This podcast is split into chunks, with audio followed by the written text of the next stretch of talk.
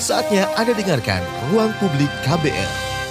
Selamat pagi, kita berjumpa kembali dalam ruang publik KBR bersama saya Don Brady dengan tema pagi ini adalah kawasan tanpa rokok untuk wujudkan kota layak anak. Saudara berdasarkan data Kementerian Kesehatan 2018, baru 43 persen kota atau kabupaten di Indonesia yang telah memiliki peraturan terkait kawasan tanpa rokok atau KTR dan baru 10 dari 516 kabupaten atau kota yang telah memiliki peraturan pelarangan iklan, promosi dan sponsor rokok. Sementara itu data dari Kementerian Pemberdayaan Perempuan dan Perlindungan Anak yang bilang kalau dari 389 kabupaten kota yang berkomitmen menjadi kota layak anak, baru 103 kota yang memiliki peraturan terkait KTR dan hanya 10 kabupaten kota yang memiliki pelarangan iklan, promosi, dan sponsor rokok. Padahal yang untuk menjadi kabupaten atau kota layak anak, salah satu indikator yang harus dipenuhi adalah tidak boleh ada iklan, promosi dan sponsor rokok dan harus ada perda KTR untuk melindungi anak-anak dari target pemasaran industri rokok dan paparan asap rokok. Di Jakarta Timur ada kampung warna-warni tanpa rokok, namanya Kampung Penas. Warga menginisiasi penerapan aturan dilarang merokok di kampung itu sejak 2017.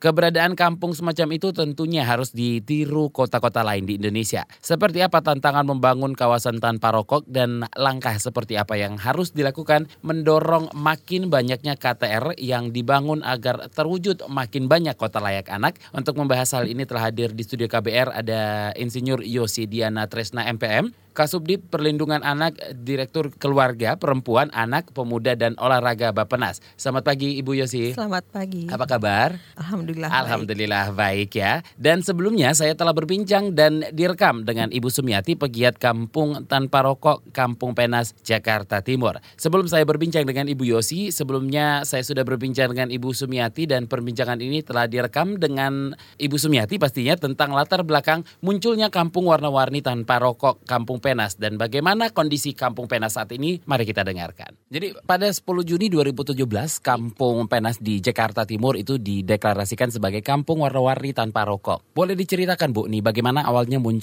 inisiatif membentuk kampung tanpa rokok? Iya, betul sekali itu Mas. Uh, itu inisiatif kita menjadikan kampung itu menjadi kampung warna-warni tanpa rokok. Mm -hmm. Yang pertama itu adalah untuk menjaga kesehatan anak-anak dan para ibu gitu. Karena kebetulan saya itu juga pernah menjadi korban akibat paparan asap rokok dari suami dan anak gitu yang selalu merokok di dalam rumah. Itu saya terkena penyakit paru. Itu tahun 2007. Nah, sosialisasi tentang bahaya rokok ini sendiri kepada warga di sana itu uh, awalnya itu sejak tahun 2012 gitu. Baru terrealisasi kampung itu menjadi kampung warna-warni tanpa rokok itu tahun 2017. Hmm. Itu juga uh, dengan inisiasinya dari LSM yang mendampingi kampung warna-warni ini. LSM yang mendampingi itu adalah Forum Warga Kota Jakarta, Fakta. Hmm. Kebetulan saya juga aktif di LSM ini gitu. Dan saya juga warga dari kampung warna-warni tanpa rokok ini juga gitu. Dengan melihat keadaan kampung tersebut yang memang banyak gitu para warga yang terkena penyakit paru akibat rokok ini, akhirnya kita juga punya pemikiran, wah ini kayaknya kampung harus harus bebas dari asap rokok gini hmm. untuk melindungi para anak-anak dan para ibu di sana gitu. Oke, jadi pada saat itu siapa saja yang terlibat Bu pada saat dimulainya dicetuskannya kampung warna-warni di uh, Jakarta Timur Penas ini? Yang terlibat uh, udah pasti seluruh masyarakat di sana. Seluruh warga di sana uh, ya, Bu ya? Seluruh warga di sana. Mm -hmm. Tapi itu ada enam uh, orang, enam orang itu kita sebut mereka adalah tim penggerak uh, yang menjadi motor okay. uh, membuat kampung warna-warni tanpa rokok di kampung Penas ini. Nah,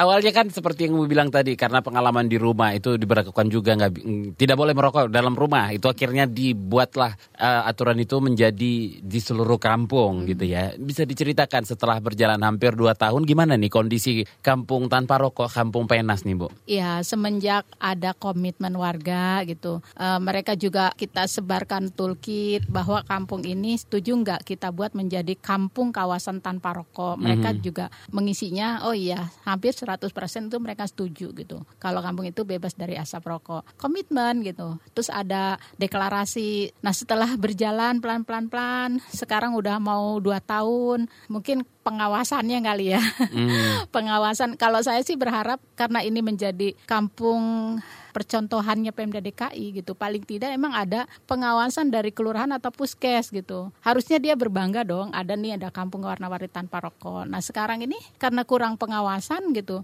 Terus pengurusnya juga ganti udah mulai ada yang nakal-nakal lagi gitu. Emang sih dia nggak merokok di rumah atau di teras atau di kampung itu gitu. Tapi kalau malam itu masih ada anak dari luar gitu, uh, anak-anak muda yang dari luar, mereka nongkrong gitu di pinggiran kalinya. Emang nggak nggak di pemukimannya ya, tapi di jalanannya gitu yang mau arah ke kampung. Hmm. Tapi itu udah masuk wilayah gitu, udah masuk wilayah atau zona yang tidak boleh ada orang merokok gitu. Padahal kita udah siapin nih ada dua titik tempat untuk mereka merokok. Gitu. Berarti nggak ada warung yang jual rokok juga, Bu? Dulu ada gitu, tapi sekarang itu uh, yang jual itu udah pada tutup. Mereka tuh jual tapi sembunyi-sembunyi gitu. Ah. Sembunyi-sembunyi. Kalau dulu kan dipajang nih, jual rokok nih ada ada merek-merek rokoknya gitu. Di etalase Ah, dipajang di gitu etalase. ya. Kalau sekarang itu nggak ada. Ah, sudah tidak ada. Udah udah tidak ada. Oke. Tapi kalau kita beli ke warung gitu ada.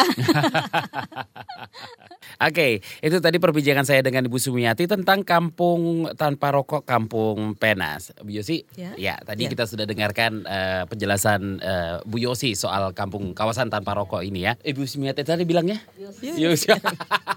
Ibu Sumiati ya maksudnya. Oke, dan ini adalah salah satu indikator kota layak anak sesuai peraturan Menteri Negara Pemberdayaan Perempuan dan Perlindungan Anak Republik Indonesia tentang indikator kabupaten kota layak anak. Nah, Kampung Penas di Jakarta Timur sudah memulainya dengan eh, inisiatif dari warganya sendiri. Bagaimana Ibu melihatnya? Ya, eh, tentu saja kami merasa sangat gembira dan Mhm. bangga sekali karena sebagaimana kita ketahui pembangunan ini tidak akan bisa mencapai sasaran yang ditetapkan apabila hanya pemerintah sendiri yang berjalan. Jadi eh, di dalam pemerintah kita selalu melibatkan unsur-unsur seperti masyarakat, dunia usaha, partisipasi anak dan tentu yang tidak kalah penting adalah peran media untuk menyebarluaskan apa saja target-target pemerintah yang harus dicapai.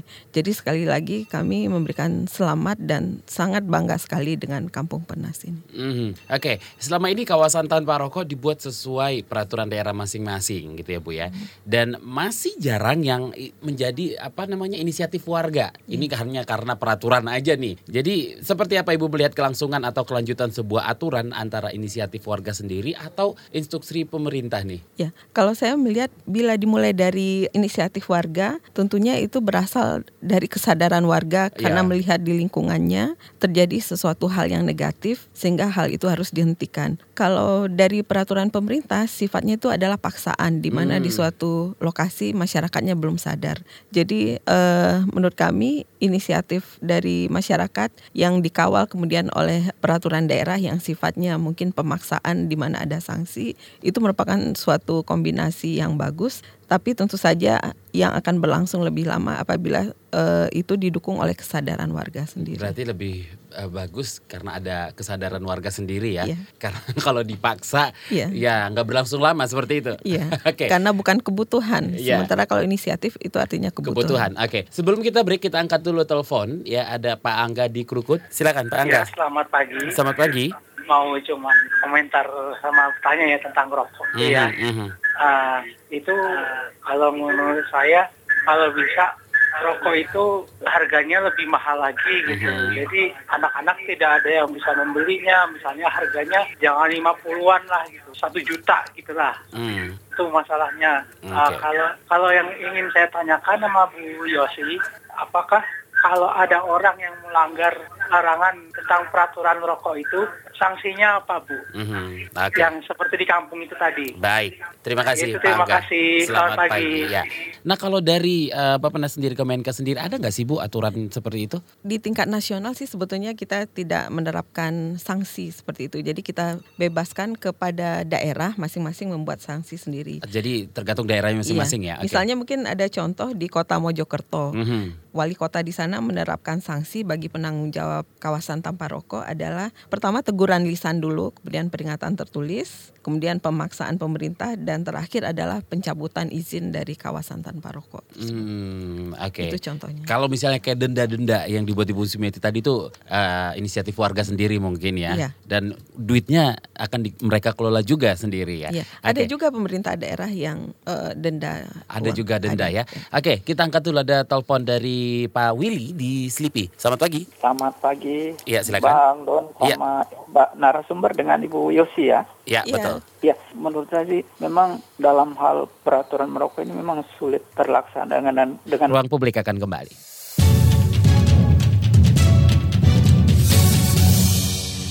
Anda kembali mendengarkan Ruang Publik KBR bersama saya Don Beradi dengan tema pagi ini adalah kawasan tanpa rokok untuk wujudkan kota layak anak. Saya masih bersama Insinyur Yosi Diani, Diani Tresna MPM, Kasubdit Perlindungan Anak Dit Keluarga Perempuan Anak Pemuda dan Olahraga Bapenas dan eh, Bu Yosi kita akan mendengarkan eh, obrolan saya bersama Ibu Sumiati berikut ini. Yang namanya perkampungan juga ya Bu ya itu pasti ada yang datang, ada yang pergi, ada Iya. pendatang juga yang datang situ yang belum tahu wah ini ada larangan merokok nih di Kampung Penas nih.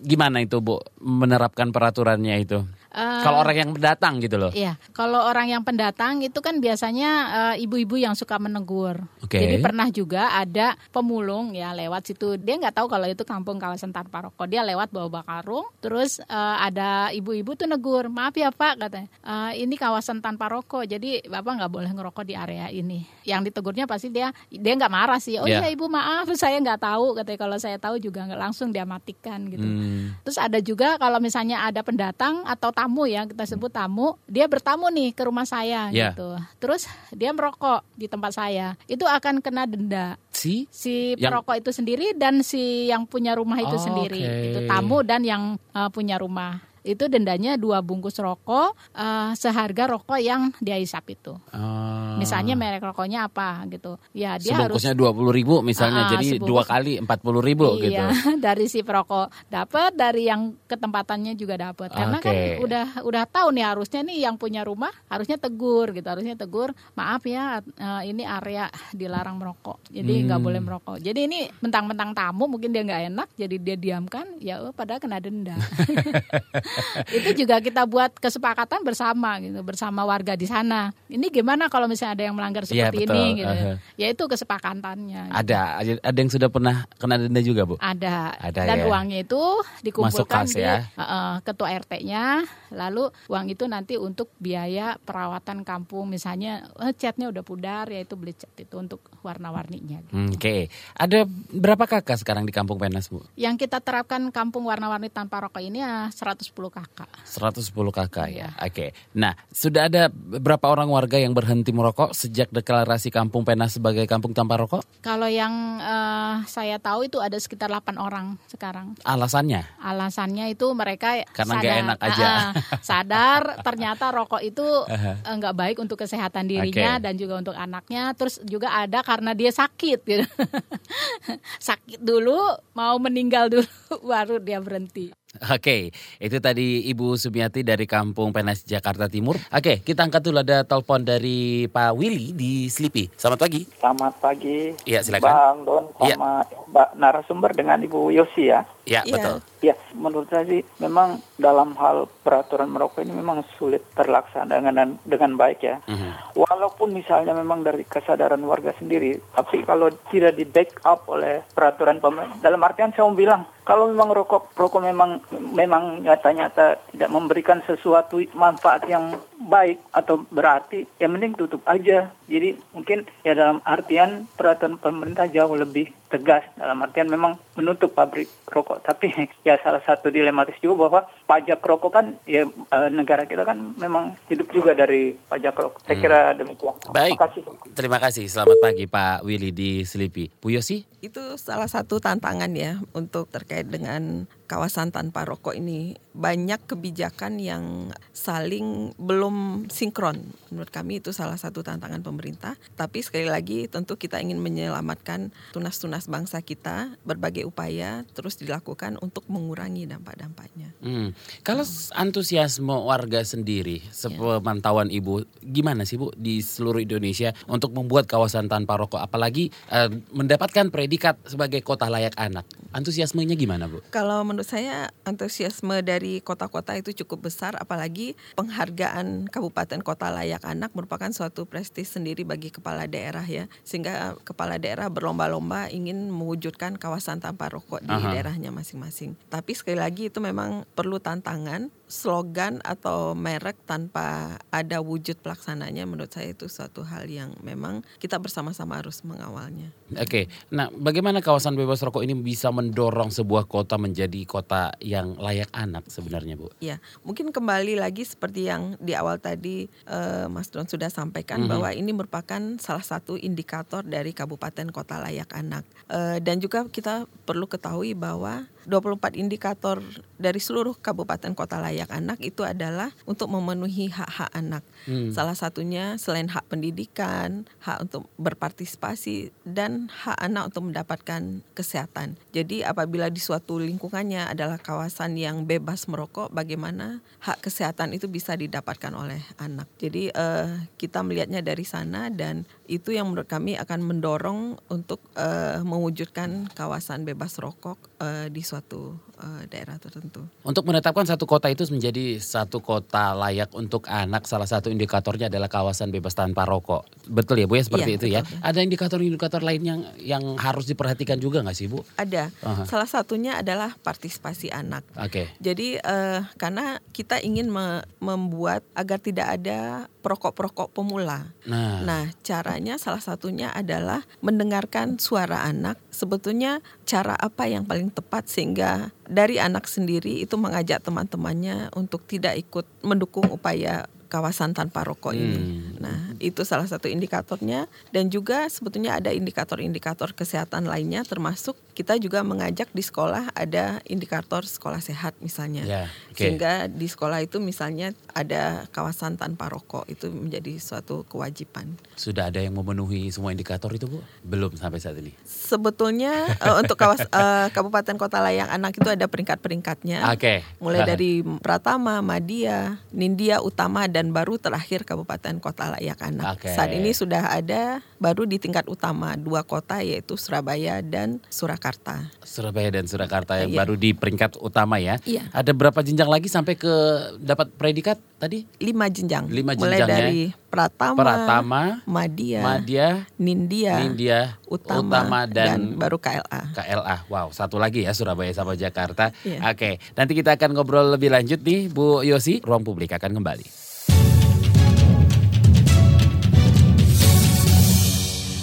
Anda masih mendengarkan Ruang Publik KBR bersama saya Don Brady dengan tema pagi hari ini em, kawasan tanpa rokok untuk wujudkan kota layak anak. Dan saya masih bersama Insinyur Yosi Diani Tresna MPM, Kasubdit Perlindungan Anak, Dit Keluarga Perempuan Anak Pemuda dan Olahraga Bapenas. Bu Yosi kita kembali akan mendengarkan wawancara saya dengan Ibu Subiati berikut ini ya. Ya. Sudah ada upaya untuk mendorong agar apa yang dilakukan di Kampung Penas ini diterapkan di kampung-kampung lain, Bu. Dan sebagian besar pasti penggeraknya perempuan ya.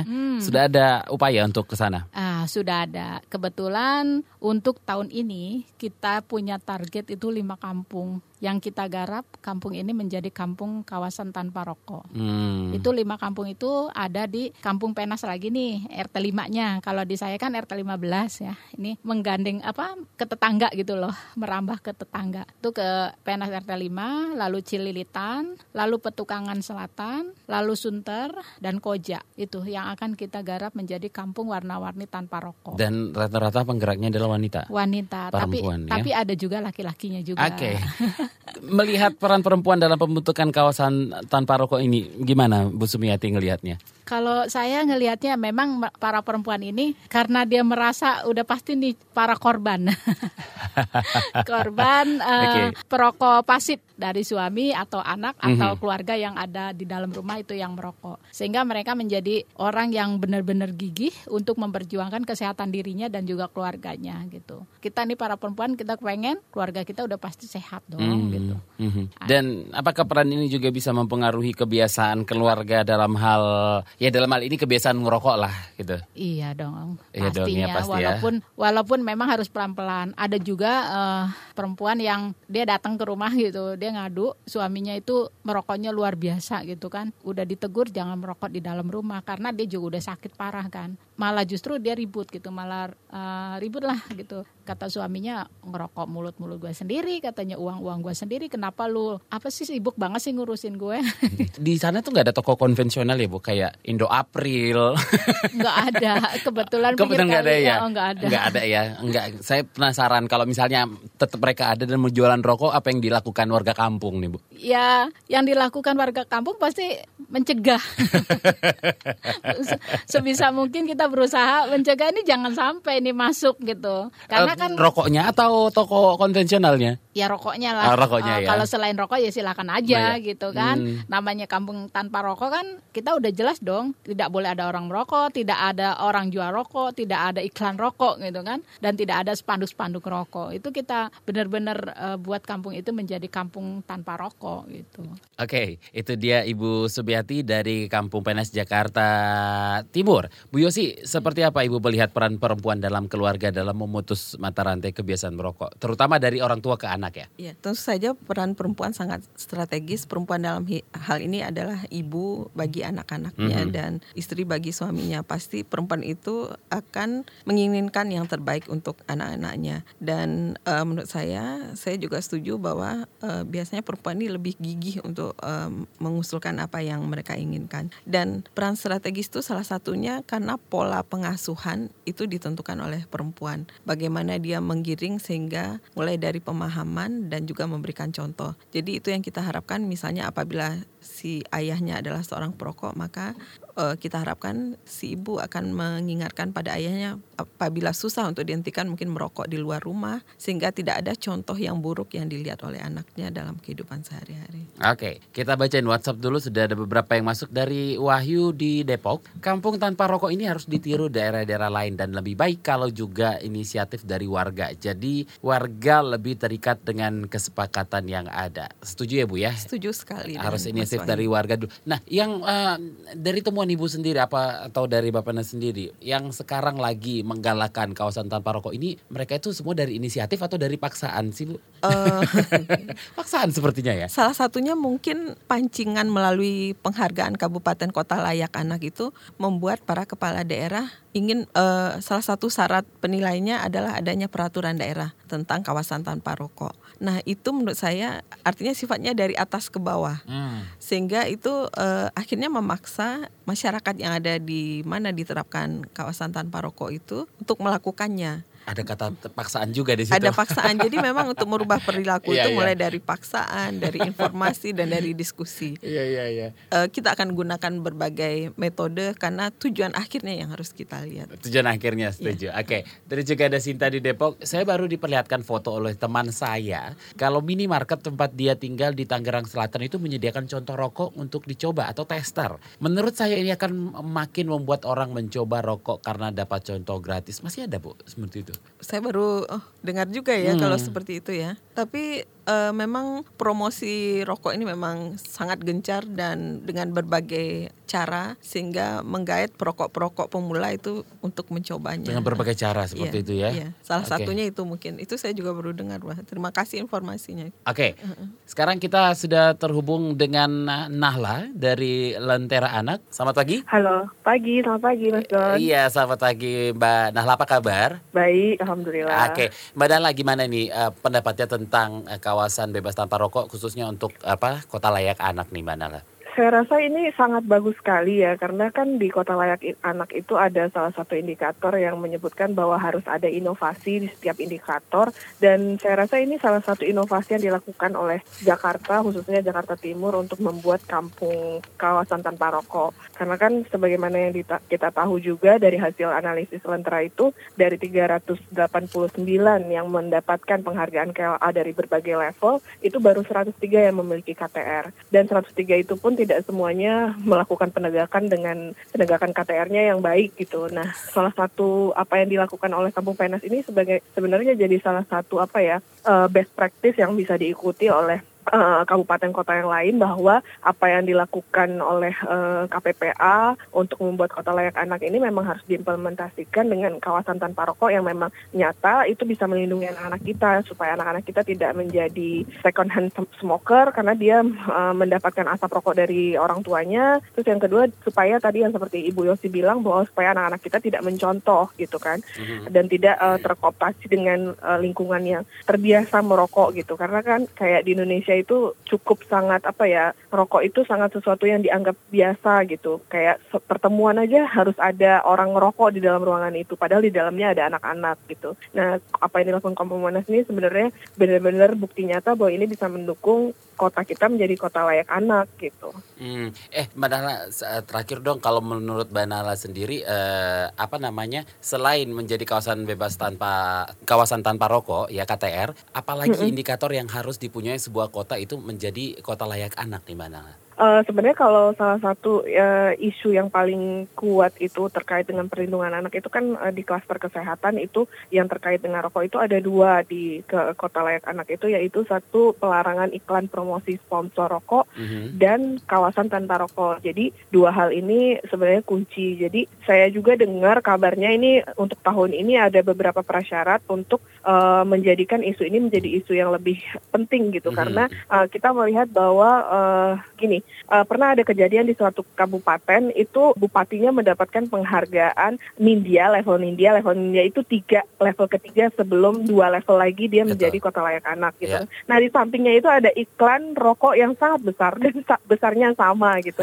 Dan dan itu menjadi apa ya kayak kelihatan jelas gitu dan KPPA sampai saat ini saya tahu Bu Yosi juga tadi dengan sangat jelas menjelaskan bahwa ini salah satu isu yang penting dan ini menjadi isu penting juga bahwa secara kasat mata ketika kita masuk ke sebuah kota itu layak anak atau tidak bisa dilihat dari gerbang pintu masuknya. Apakah ada iklan rokok yang besar-besar atau tidak. Bahkan saya dengar ada salah satu apa uh, yang uh, menilai kota layak anak itu mereka pulang karena melihat gimana mau jadi kota layak anak orang baru datang turun bandara udah langsung ada iklan rokok besar-besar gitu kan dan secara langsung itu akan mempengaruhi anak-anak kita untuk menjadi perokok pemula gitu sih mas. Oke baik terima kasih Mbak Nahla atas waktunya. Iya sama-sama. Oke selamat pagi itu dia tadi uh, Nahla dari Lentera Anak lembaga yang fokus dengan isu kota layak anak. Setelah ini kita akan bacain beberapa WhatsApp lagi yang masuk Bu Yosi. Ya, ya ruang publik akan kembali.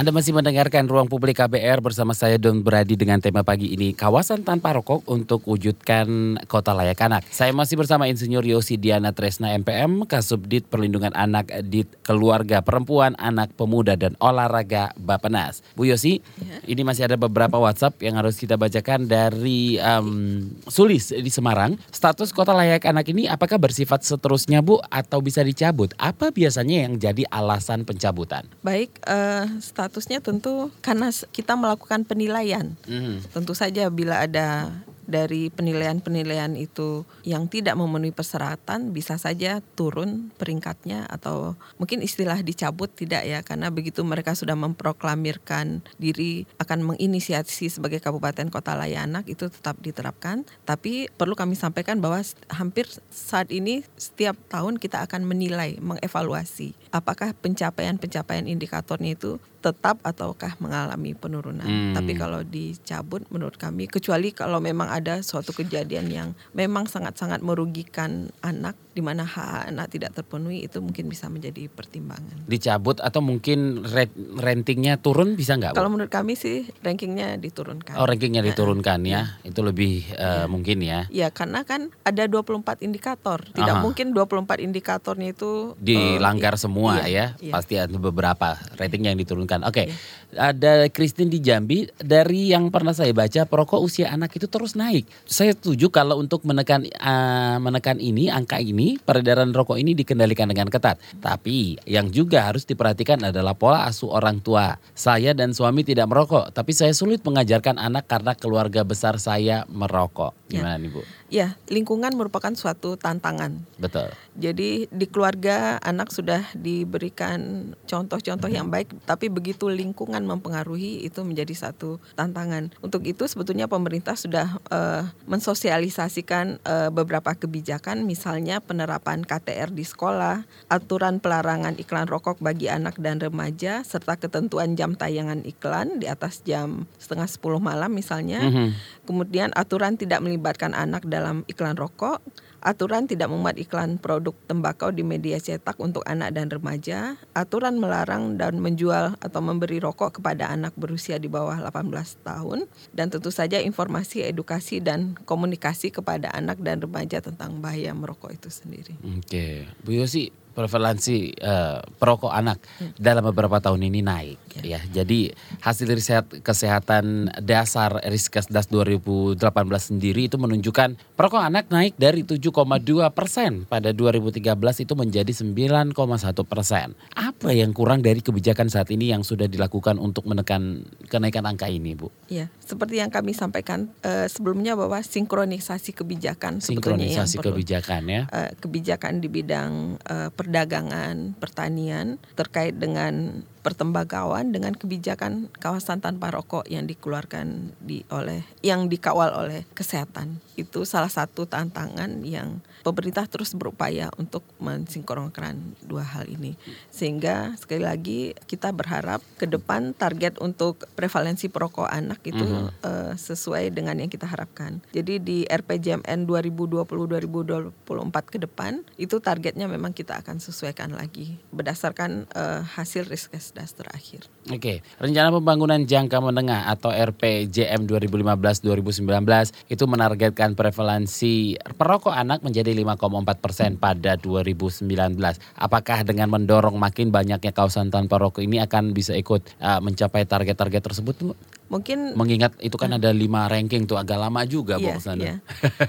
kita harus optimis. Harus Jadi optimis ya. salah satunya tadi kuncinya adalah lingkungan yang di mana anak-anak perokok pemula yang mungkin akan terpapar hal itu. Nah pengkondisian itu yang menjadi salah satu strategi utama kita ke depan. Oke, yang sampai sekarang ini ada beberapa banyak daerah yang menuju kota layak anak bu? Berdasarkan data dari Kementerian Pemberdayaan Perempuan dan Perlindungan Anak per Februari 2019 ya. itu sudah ada 415 kabupaten kota. Wow, Jadi okay antusiasme dari daerah untuk KLA ini cukup tinggi. Bayangkan di tahun 2006 baru 20 kabupaten kota uh -huh. piloting. Di 2019 sekarang 415 dari 516 kabupaten kota.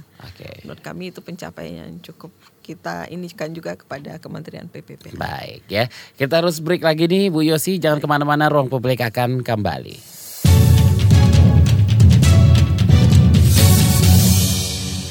Kita sudah di segmen terakhir Ruang Publik KBR pagi ini bersama saya Don Brady dan tema kita pagi ini adalah kawasan tanpa rokok untuk wujudkan kota layak anak. Dan saya masih bersama Insinyur Yosi Diani Tresna MPM, Kasubdit Perlindungan Anak Dit Keluarga Perempuan Anak Pemuda dan Olahraga Bapenas. Bu Yosi, siapa yang harus berpartisipasi aktif untuk mewujudkan kota layak ini, Bu? Wah, seperti mungkin kembali lagi ke jawaban saya pertama.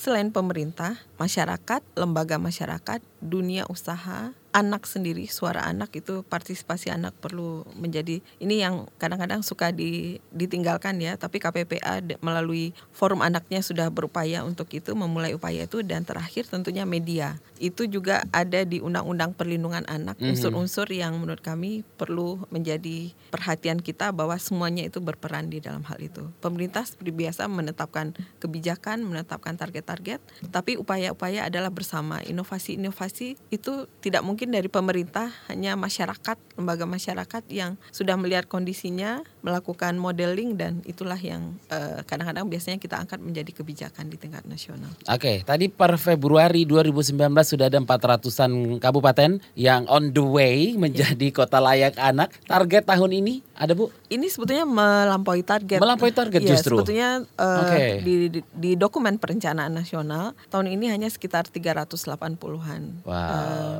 kabupaten kota layak anak. Cuman saya juga harus menyampaikan ya. bahwa sebetulnya kabupaten kota layak anak ini adalah hanya uh, salah satu dari tujuan akhir nanti untuk mewujudkan Indonesia layak anak. Jadi uh, Kementerian Pemberdayaan Perempuan sudah memulainya uh, di tingkat desa namanya Dekela, kemudian kecamatan, kemudian kabupaten kota layak anak, provinsi layak anak dan terakhir di 2030 kita harapkan Indonesia menjadi Indonesia yang layak anak.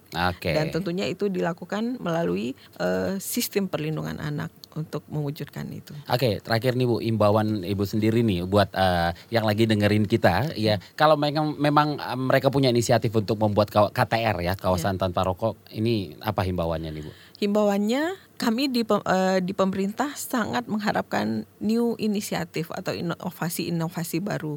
Jangan kita, hanya karena paksaan terus ya. Jangan hanya karena paksaan karena kita tahu yeah, yeah. itu lebih uh, langgeng, lebih lestari, lebih akan lama Betul. berkesinambungan. Karena yang tahu di lapangan kondisi di lapangan adalah teman-teman yang ada di di uh, level bawah di okay. masyarakat maksudnya. Oke, okay. seperti janji saya tadi satu uh, penelpon beruntung akan mendapatkan souvenir dari KBR selamat untuk Pak Angga di Krukut.